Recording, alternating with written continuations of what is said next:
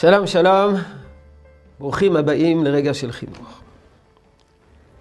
נפתח בדברים יוצאים מן הכלל של הרב שמשון רפאל הירש, הרש"ר הירש, בנושא, בנושא שלנו, הדוגמה האישית.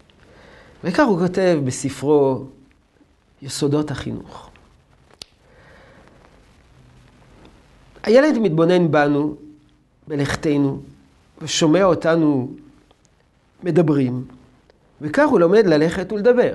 ילד קטן לומד מאיתנו את הבסיס ההתנהגות האנושית, דיבור והליכה. בדרך זו עליהם ללמוד גם להיות מנומסים, ישרי לב, ותרנים, דוברי אמת, צנועים, הגונים, מסתפקים במה שיש להם, אוהבים את הזולת, ומקיימים בחפץ לב ובשמחה גם מצוות הכרוכות בקשיים ובמאמצים, מתוך הבנת העושר והערך המוסרי שבדבר. את כל עולם המידות, את כל צורת ההתנהגות, ילדים צריך, צריכים ללמוד מהדוגמה האישית שלנו.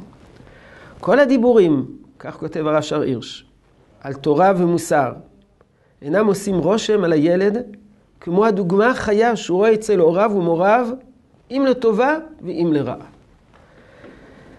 הכל, הכל הילדים לומדים מאיתנו. לכן כותב הרש"ר הירש, יש אחד הדברים, אחת המידות, שאנחנו מתקשים להעביר לילדים שלנו. מהי? ציות ומשמעת. מדוע? מכיוון שהילדים לא רואים את זה אצלנו. הם לא רואים אצלנו ציות ומשמעת.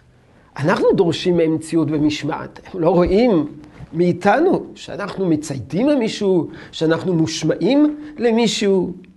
אנו מופיעים לפני ילדינו רק כמפקדים ומצווים, כותב הרש"ר הירש, ומנין ילמדו את מידת המשמעת. ועונה הרש"ר הירש דבר נפלא. ילמדו את זה אם יראו אותנו מצייתים לקדוש ברוך הוא. יראו אותנו שאנחנו מבטלים את רצוננו בפני הקדוש ברוך הוא. בעיני ילד נמשלת התורה להורי הוריו, סבא רבא רבא.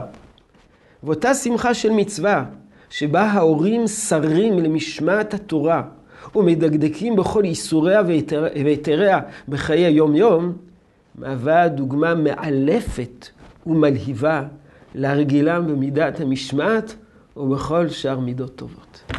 דבר נפלא, כותב כאן הרש"ר הירש.